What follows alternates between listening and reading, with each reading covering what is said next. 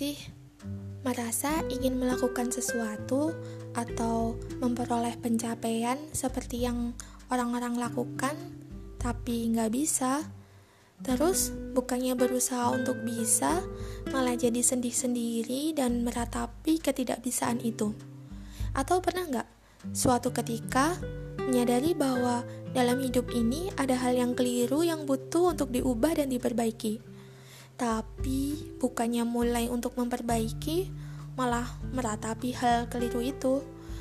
Berpikir, lalu menyadari, lalu meratapi, kemudian sedih dan berpikir lagi, mulai sadar lagi, dan meratapi lagi.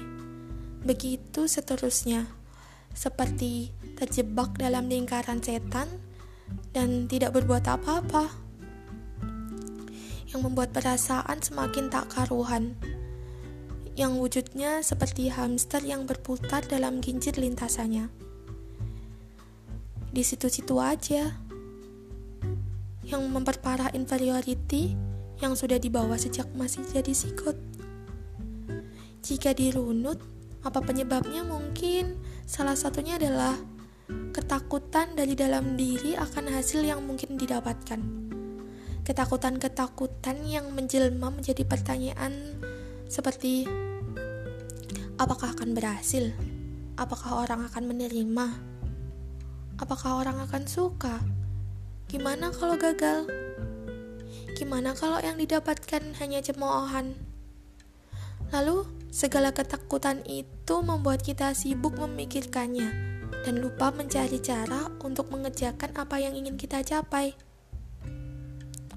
Penyebab lainnya mungkin adalah karena kita nggak benar-benar tahu apa yang sebenarnya ingin kita capai. Kita hanya melihat capaian dari orang lain. Mereka bahagia atas capaiannya dan kita ingin menjadi seperti mereka. Kita tidak mengenali diri kita sendiri. Tidak memahami apa saja sumber daya yang kita miliki.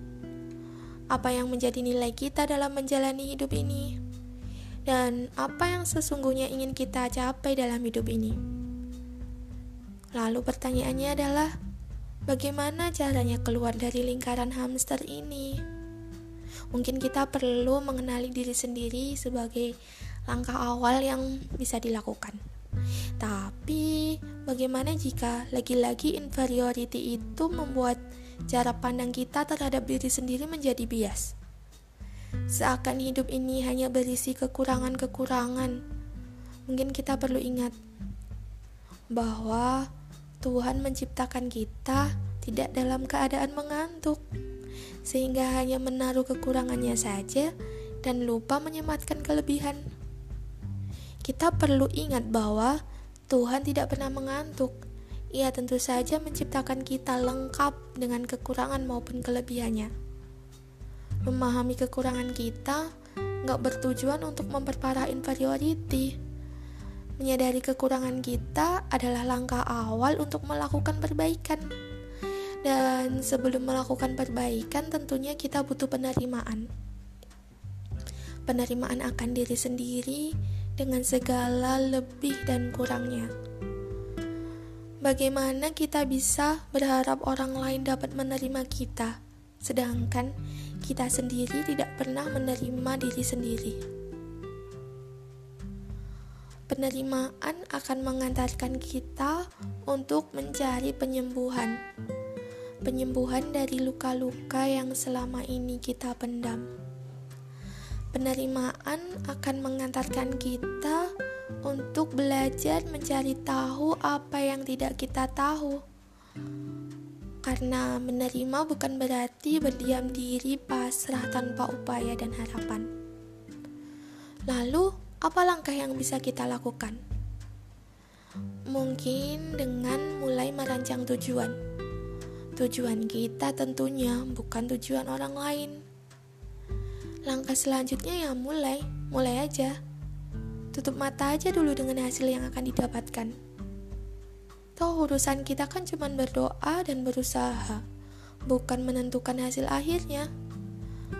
Memulai dari hal-hal kecil yang bisa kita lakukan. berhenti berpikir soal hal-hal yang tidak bisa kita lakukan, dan tidak perlu juga memikirkan apa yang orang katakan. Apakah orang lain akan menerima? Apakah orang lain akan suka? Kita tidak perlu memikirkan hal-hal yang tidak bisa kita kendalikan. Tugas kita hanya menjalankan apa yang bisa kita jalankan. Dan tentu saja tidak perlu membandingkan dengan apa yang orang lain dapatkan. Yang perlu kita bandingkan adalah proses kita kemarin, sekarang, dan yang akan datang.